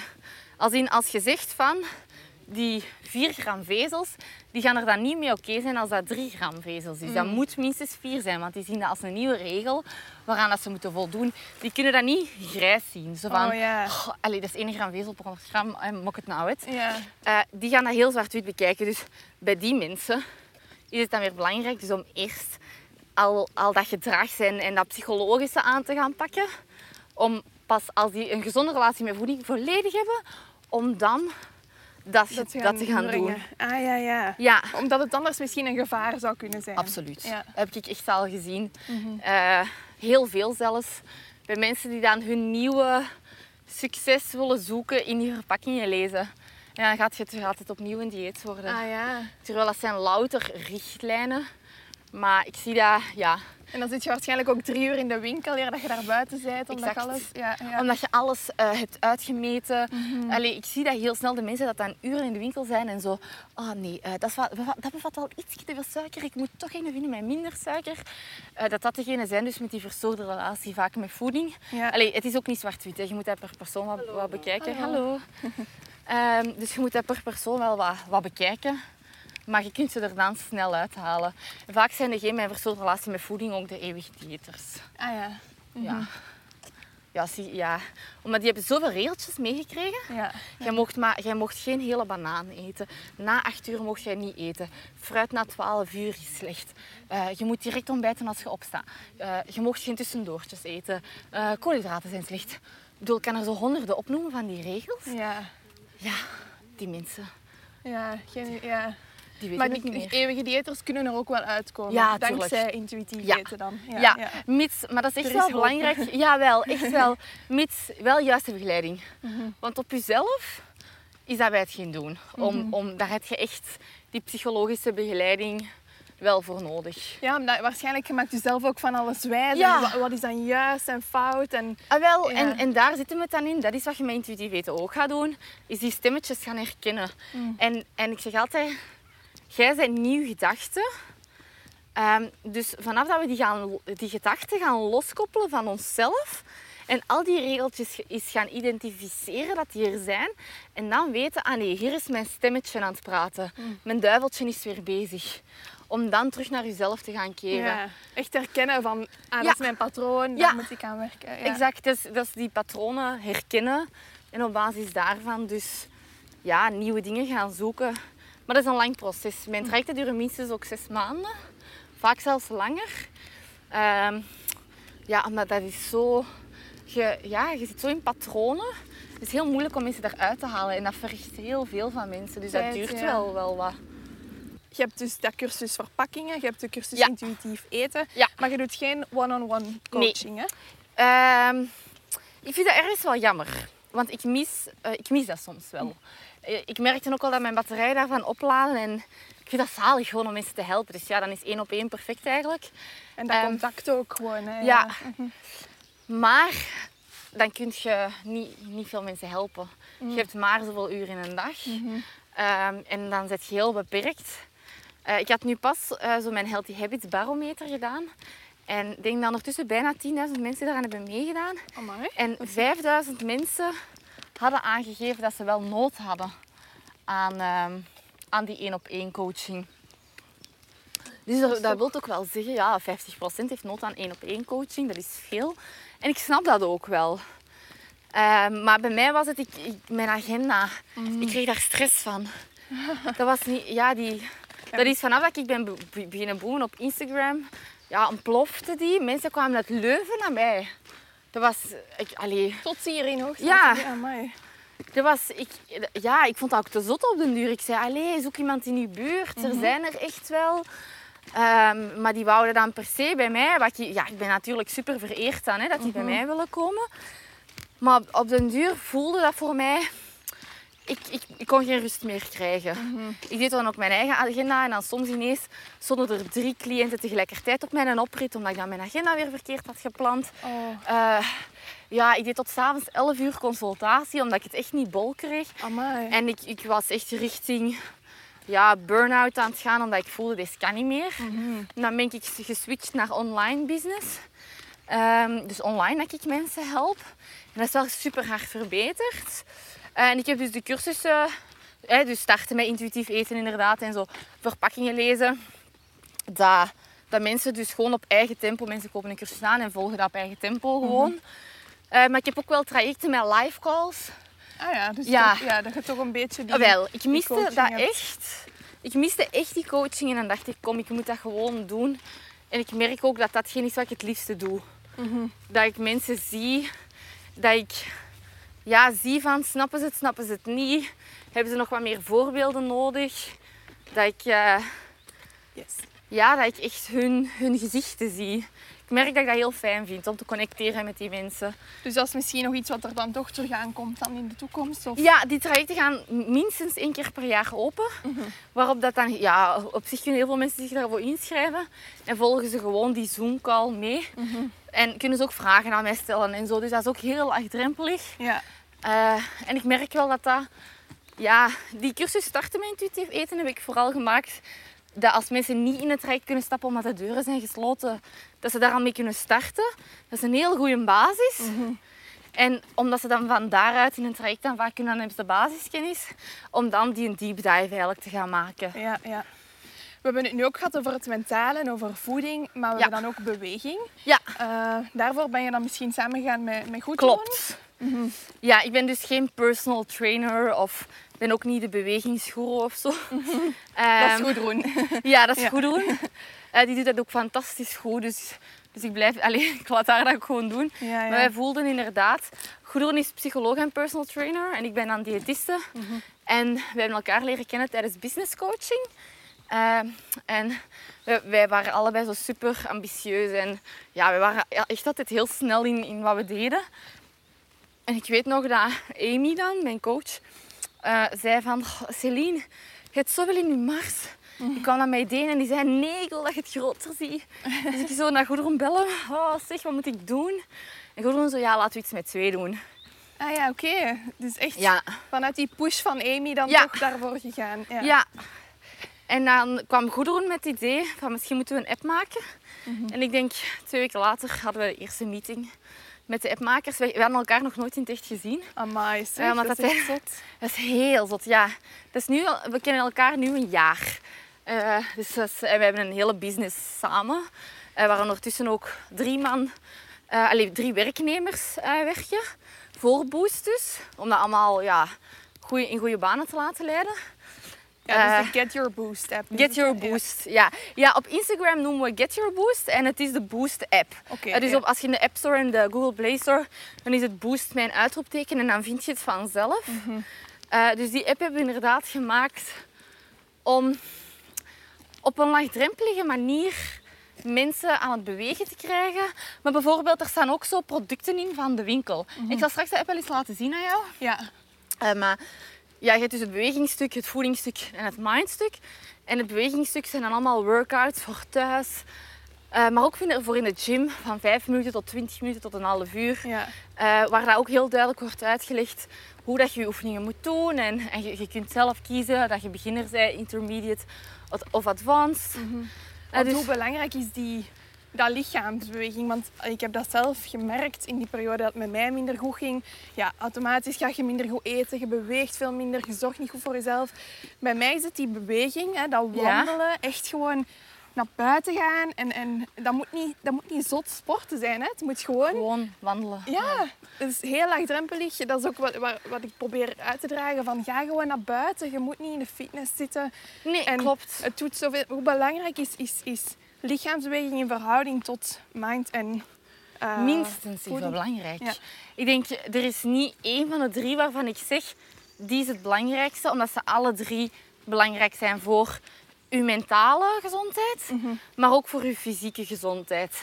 Je kunt daar niet omheen dat bewegen gezondheidsvoordelen heeft. Hè. Tuurlijk, ja. Maar alleen al, mensen denken inderdaad heel vaak dat je zot moet sporten. Mhm. En nu de nieuwe richtlijnen dat zijn uitgekomen, zeggen ook wel van het, het vermijden van passief gedrag, als in een hele dag aan uw bureau zitten en af en toe rechtstaan, dat zijn al kleine stappen. En al gaat jij een kwartier wandelen, dat is, een kwartier wandelen is beter dan niet wandelen. ja. Dus het is beter om wel iets te doen dan helemaal niks. En ja, zelfs de wasplooien is op al beweging. Ja. ja. de trap nemen is ook beweging. In uw tuin hakken is ook beweging. Dus ik vind dat een heel mooie visie dat je probeert uit te dragen. Want ik sluit me daar vo- volledig bij aan. Is, het moet niet zot in de fitness zijn. Of het moet zelfs van mij... Als je dat niet wilt, moet jij van mij geen workouts doen. Als jij gelukkig wordt van wandelen, dan wandelt jij gewoon. Ja, ah, wel. mhm. Ja, want ik heb zelf... Crossfit heb ik gedaan. Eh, dansen, fitness, lopen. Ah, maar dan ben van je wel sportief aangelegd. Maar nee, ik deed dat niet graag. Hè. Ah. Dat was gewoon omdat ik ik dacht, ik moet sporten. En voor mij was sporten Ja. afmatten. En dan moest gewoon... Ah ja. Maar niet dat ik dat Je leuk moet vond. zweten. Ja, je moet zweten. Je moet rood, want ik word heel snel rood als ik sport. Ja. Als ik wandel word ik bijna nooit rood. Dat is heel vreemd. Terwijl ik ben nu veel meer afgevallen dan dat ik ooit ben afgevallen. Omdat je zoveel wandelt. Ja, Ja, logisch. dat is echt... Ik ging elke dag naar de fitness hè, en ik liep daar op de loopband en daar ging geen gram af. Dat is toch raar eigenlijk om... Ja, dat is bizar. Ik denk dat je, omdat je nu iets hebt gevonden dat je... ehm, wat een gewoonte is voor u. Ja. mm, Dat is iets wat je graag doet. Ja. Iets, ja, ja ik, ik snap het wel. Ik denk is daar dat het succes zit in eh, beweging volhouden. In, eh, ik ga mij ook niet forceren om een workout te doen als ik dat helemaal niet graag doe. Ehm, maar ik weet wel, wat ik wel vind is, soms moet je eh even zo je knop omdraaien. Mm. Eh, Je kent dat wel zo. Oké, kom aan. Even doorzetten. Nu, nu wil ik echt wel gaan wandelen. Ja. Eh, in plaats van in uw zetel te gaan liggen. Dus daar, daar moet je je knop echt wel voor omdraaien. Van kom aan, nu ga ik even aan mijn gezondheid werken en wandelen. Ja, dat je die couch potato niet, Ja. niet wordt. Ja, Nee, voilà. Ook omdat je je daar niet goed bij voelt. Hè. Mhm. Allee, ik voel mij zoals nu, als we aan het wandelen zijn, dan kom ik ze thuis voldaan aan. En dan heb ik zoiets van, kijk, ik heb mijn beweging van vandaag gedaan. Ja. Ik heb al goed gewandeld en dan heb je altijd zo'n voldaan gevoel. Ja, als ik zo een week niet ben gaan wandelen, dan, dan loop ik zo echt de muren op ook. Ja? Van, de, van allee, Hoeveel kilometer wandelt je per week?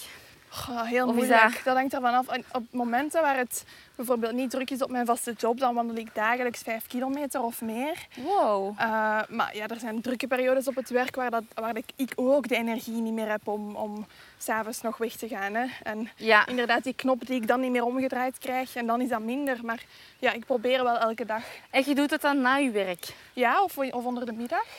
Niet Ah, ja. ochtends, want ik ben geen, geen ochtendmens. Maar eh, ja, s'avonds of, of onder de middag, dan ga ik even... Want ik wandel normaal redelijk snel. Dus Ja. ik heb snel vijf of zes kilometer gewandeld. Ja. En dan... eh, Ja. ja. je hebt ook al een bepaalde conditie opgebouwd ondertussen, hè? Mhm. Waardoor dat ook wel vlot gaat. Ja, voilà, inderdaad. Oké, klinkt jij tof. maar ik zou mee gewoon uw podcast altijd moeten gaan opnemen, jong. Ja, voilà, altijd beweging. Het zou goed zijn voor de beweging. Ik denk dat we dat met onze podcast van Boost ook moeten gaan doen.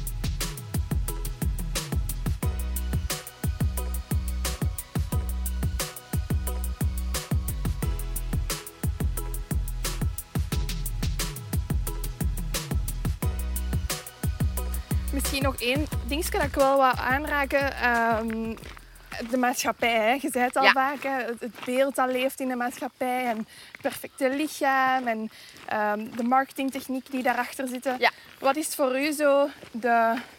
Ja, met welke marketingboodschap heb jij het het moeilijkst op dit moment? Amai. Welk idee dat er leeft? Of... Ah, op die manier. Ehm hele goede vraag. Ik, maar ik moet echt gaan nadenken. Ik weet niet of dat, of dat, een juist antwoord is op uw vraag. Ehm, maar dat slank zijn gelijk aan gelukkig zijn. Dat We hebben een, misschien de koepel wel van... dat is de grote ja. koepel. Maar dat we op Instagram... eh, ik, we hebben een podcastopname gedaan met Julie van de Steen. Ja, die heb ik geluisterd. Ja. Ja. en zij is echt als in... Iedereen wil Julie van de Steen toch zijn. Die is zo knap. Ja. En, ehm, en zelfs zij is dan super onzeker over heel veel dingen. Maar op Instagram zien wij alleen maar eh, het mooie en het goede. Terwijl we niet weten wat er heel vaak ook achter zit. Dat we heel vaak inderdaad dingen tegen elkaar zeggen die niet slecht bedoeld zijn, maar wel als trigger kunnen overkomen. En dat hoorde ik u ook zeggen in, in de podcast bij Onbespreekbaar. En, want dat is zo... Allee, bijvoorbeeld mijn zus die wil afvallen. Ik zeg heel snel, amai, afgevallen, je ziet er goed uit. En het is moeilijk om inderdaad die grens te zoeken tussen... ehm, een compliment geven en iemand niet kwetsen of zo. Nee, ik denk dat het belangrijk daarbij om te weten is, is dat dat altijd goed bedoeld is. Zo'n compliment. Van, amai, afgeslankt, je ziet er goed uit. Ik heb die zelf heel vaak gekregen. Ehm, en het, ja, ik zeg het, hetgeen wat, wat bij mij daar het resultaat van was, is dat ik alleen maar bang werd om terug bij te komen. En dat iedereen weer ging zwijgen. Alsof dat je niet mooi bent, dat je dikker bent. Ja. En dat is zo'n beetje, ja, ik zeg altijd, de, de maatschappij waarin dat we zitten, is dat het enige wat wij zien is dat slank zijn mooi is. En dat een vetrol aan je buik of hè, vetjes aan je poep of aan je billen, dat dat niet mooi is. Terwijl dat dat eigenlijk de gemiddelde vrouw wel is. Uiteraard, ja, ja. Uh, en de ene heeft daar aanleg voor en een andere niet. Hè? Maar ik denk dat we, dat we meer vrouwen ja, moeten zien als meer, meer dan hun uiterlijk. Want soms heb ik vrouwen in mijn trajecten en die zijn dan niks afgevallen, maar die zijn wel zelfzekerder. Die krijgen dan keihard complimenten. Van, oh je ziet er goed uit. En dan, Oh, denk, dan dat is gewoon omdat je zelfzekerder bent. Dat je dat ook Je uitstraalt. straalt dat uit. Ja. Ja, ik, je kent dat wel, zo van die YouTube-filmpjes waar dat je zo ehm, dikkere vrouwen hebt die dan zo supermooie kleren aan hebben en zo model zijn. Ja? Heel veel vrouwen kijken daarna van, amai, dat is zot dat hij zo zelfzeker kan zijn als hij dik is. En alleen dat al is toch zot Ja, ja. dat wij het raar vinden dat een dikke vrouw zelfzeker kan zijn. Mhm. Waarom? Die hebben even goed recht om zelfzeker te zijn, ook al zijn die dikker. Tuurlijk, ja. Die hebben evenveel recht aan een slanke vrouw om zelfzeker te zijn. En om zich goed te voelen. En ja, Maar ook daar een grens. Bijvoorbeeld, ehm, eh, ik heb iemand in, in mijn omgeving die een heel duidelijke mening heeft over mensen die, die zwaarder zijn. Van ja, maar dat is ook gewoon niet gezond. Ja, Ehm, je mocht het ook niet promoten ergens. nee, klopt. Want ook dat kost de maatschappij iets. Want je, eh, de, die mensen zijn vaker Tuurlijk. ziek. zowel Ja. mentaal als fysiek. Ja, Ehm, ik denk dat het daar belangrijk is om een onderscheid te maken tussen dikkere vrouwen die gezond zijn Mm. en dikkere vrouwen die ongezond zijn. Mm. Ik heb eh, vriendinnen die dikker zijn, maar die meer sporten als mij en die gezonder eten als mij. mm, Die hun bloedwaarden, dat kan zijn dat die ook beter zijn dan die van mij, die zullen de maatschappij dus niks kosten. Ook al zijn die wel dikker. dik impliceert niet automatisch Nee. ongezond. Ja. En eh, eh, het is ook zeker niet dat wij, allee, of dat ik of dat andere mensen met, met dezelfde visie als ik, dat wij promoten om ongezond te zijn. Ehm, omdat dat heel vaak gelinkt... Allee, heel vaak zien mensen dat zo.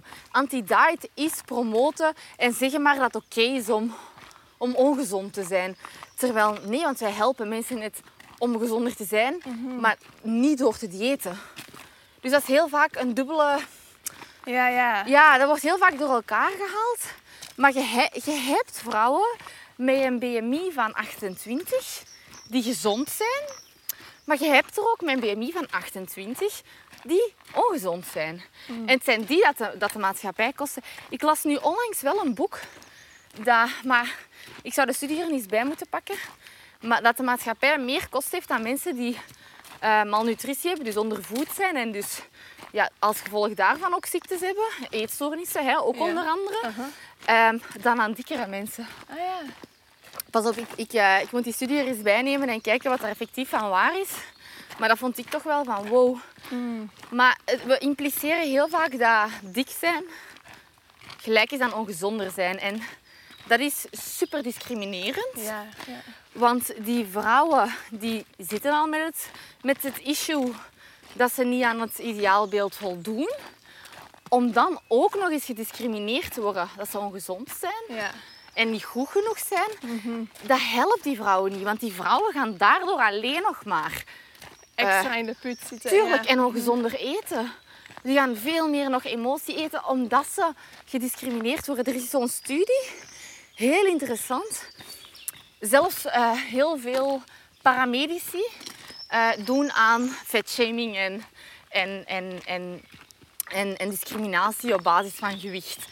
Eh, dus als jij nu naar een dokter gaat en jij zegt ik heb last van mijn enkel, dan zal dat fatsoenlijk onderzocht worden. Ja. Bij mij ook. Maar bij iemand Oh. van een BNB van 28, die ook last heeft van zijn enkel, gaan een dokter soms heel vaak zeggen, je moet gewoon wat afvallen. Mm. Terwijl misschien is hij wel kei gezond. ja, ja. Dat weet je toch niet. Dus daarvoor moet je veel meer factoren hebben om dat te bepalen dan gewoon op basis van uiterlijk. Ah, die is wat dikker, die moet eerst afvallen. Die mensen worden dus heel vaak niet serieus genomen. Met als resultaat dat die minder vaak naar dokters, naar Ja, ziekenhuizen gaan. Ja, be, je zou het verminderen dat als je tijd gediscrimineerd wordt op basis van je gewicht. En ik, ik, ehm, allee, of, of ik heb dat gelezen in die studies, dat daardoor vormen van kankers, hart- en Ah, vaatziekten allemaal ja, niet helpen. Eh, Zelfs allee, de mensen die gediscrimineerd worden op basis van gewicht, zouden twee, twee keer zoveel risico hebben om vroegtijdig te overlijden. Puur door die discriminatie. Dat ze niet durven er iets van zeggen. Amai, dat is inderdaad straf. Bottom line, iedereen is uniek en we moeten lief zijn voor elkaar en voor onszelf. Eigenlijk is dat zo'n beetje... Echt waar. Ja. Vanuit lief zijn voor jezelf, hè, bereikt jij zoveel meer dan vanuit haat voor jezelf. Ja. Want als jij lief bent voor jezelf en jij start met het accepteren van jezelf, dan wilt jij veel beter zorg dragen voor jezelf. Als je jezelf haat, ja, ik kan me niet inbeelden dat als ik iemand haat, dat ik daarvoor wil zorgen. Nee, ja. Ik wil dan niet gaan wandelen, want ik haat mezelf. Allee, snap je wat ik wil zeggen? Dus, dus dat is een helemaal andere insteek. En als ik iemand heb bij mij met een BMI van 35, die verdient het even goed om zichzelf graag te gaan zien en zichzelf te accepteren. Ook al heeft hij niet het ideale maatje, Mhm. maar die verdient dezelfde zorg als iemand met, met een BMI die wel officieel goed zit tussen die categorieën. Ja. Dat is nog een helemaal ander verhaal, het verhaal van BMI, maar... Allee, dus Ja. Effectief, bottom line, je lief zijn voor elkaar en ja, voor jezelf. Ja, dat is mooi. ja, Je bent nu vandaag met mij aan het wandelen. Je business draait goed. Ehm, bent je er voor jezelf? Of heb je nog goals waar dat je van droomt? hoe, dat, hoe zie ik de toekomst? Ik vind dat een hele moeilijke. Waarom? Omdat ik ben iemand dat heel snel meer wilt. En soms zit het gevaar daarin. Ja. Meer. Nog meer mensen willen helpen. Ja. Nog meer podcastluisteraars. Nog meer. En eh, ik denk zeker dat daar een gevaar in zit, omdat je dan onvoldoende apprecieert misschien wat je op dit moment al hebt. Dus ik, ik wil daar al wel, ja, ik wil echt, ik ben 25 en ik heb, ik, ik heb eigenlijk al mijn dromen al verwezenlijkt. Ja. Al zien degene dat ik twee jaar geleden had, die, daar sta ik allemaal. Dus in eerste instantie wil ik daar al, al dankbaar voor zijn. Als ik zeg van, zo zie ik mezelf binnen dit en tien jaar, dan is het niet per se eh, anders, maar dan hoop ik vooral dat, hallo, dat ik ehm, nog meer mensen mag helpen, ook via andere kanalen. Ik droom bijvoorbeeld wel zo van media. Ja. Dat is wel een ambitie dat ik heb, waar ik heel graag in zou terechtkomen. TV, radio. Zou je afgaan ook? Komt er wel van, denk ik. Ik, ik zou het heel fijn vinden. Ja. Een boek. Heel moeilijke vraag. Het, het, het boezemt je misschien ook wat angst in, omdat het is zoveel dat je nog kunt doen en dan... Ja, en soms ook angst. Zo van, oh, gaat dat wel blijven duren? Ga, ga, ik- ben ik geen hype die voorbij gaat? Ik ben er heel bang voor soms, want ik, ik ben zo blij met hetgeen wat ik doe, dat ik ook ja, daar zo gelukkig van word, dat ik, dat ik het heel jammer zou vinden. Ja, moest dat, moest dat ineens stoppen? Ja. Wat ik natuurlijk allee, denk van niet. Hè. Ik denk dat dat wel, wel gewoon ja, verder gaat blijven groeien. Maar ik hoop vooral de gelukkigste versie van mezelf te worden, denk ik. In hetgeen wat ik doe. En nog veel meer vrouwen te helpen. En denk je dat je ooit, of dat de dieetcultuur ooit zal verdwijnen? Nee, Nee? nee, dat geloof ik. ik. Ik mag daar niet geloven. Allee, ik mag dat wel, maar dat zou utopisch zijn. Omdat dat is gewoon een te grote geldmachine. Dus dat gaat nooit stoppen. De diëten blijven ook allemaal zijn opmars maken. Ik zeg altijd, als er al één magisch dieet was dat effectief zou helpen, dan zouden al die anderen niet meer moeten komen. Maar ze blijven gewoon zien dat, dat vrouwen, en maar ook mannen, heel snel geld uitgeven aan diëten. Dus ze gaan daarop blijven inspelen. Dat gaat nooit stoppen. Dus ik denk, het. Ja. het enige wat ik kan doen is mensen ervan bewust maken dat het een ding is.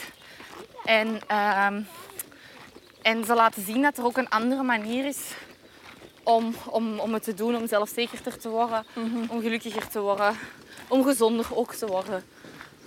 Dus ja. dat is het enige wat ik kan doen. En als ik daar heel veel mensen mee help, dan ben ik een heel, heel gelukkig mens. Ja, dat is inderdaad prachtig. Dankjewel. Ik denk dat een mooi, mooi einde eh, van deze podcast. Is er zelf nog iets wat dat je nog zou willen zeggen of wat we niet behandeld hebben? Eh, nee, ik denk dat we het over heel veel hebben gehad. Ik ben aan het denken. Ik denk vooral de mensen die aan het luisteren zijn, die zichzelf herkennen in het verhaal van dieeter, van jojoer. Dat er een uitweg is en dat er echt een andere manier is om jezelf graag te gaan zien. Ik denk dat dat een boodschap is waar ik mee wil afsluiten. Als je geniet van gesprekken en wandelingen als deze, vergeet dan zeker niet om je te abonneren of een rating te geven. Je kan op Wandel ook steunen met een gift. En hoeveel kies je helemaal zelf. Alle info vind je samen met de show notes op www.opwandel.be. En wil je helemaal niets missen van de Opwandelavonturen? Volg ons dan op Instagram, opwandel, en word lid van de gratis Facebook community. Tot de volgende Opwandel dus. Maar wacht vooral niet tot dan om zelf al in je wandelschoenen te springen.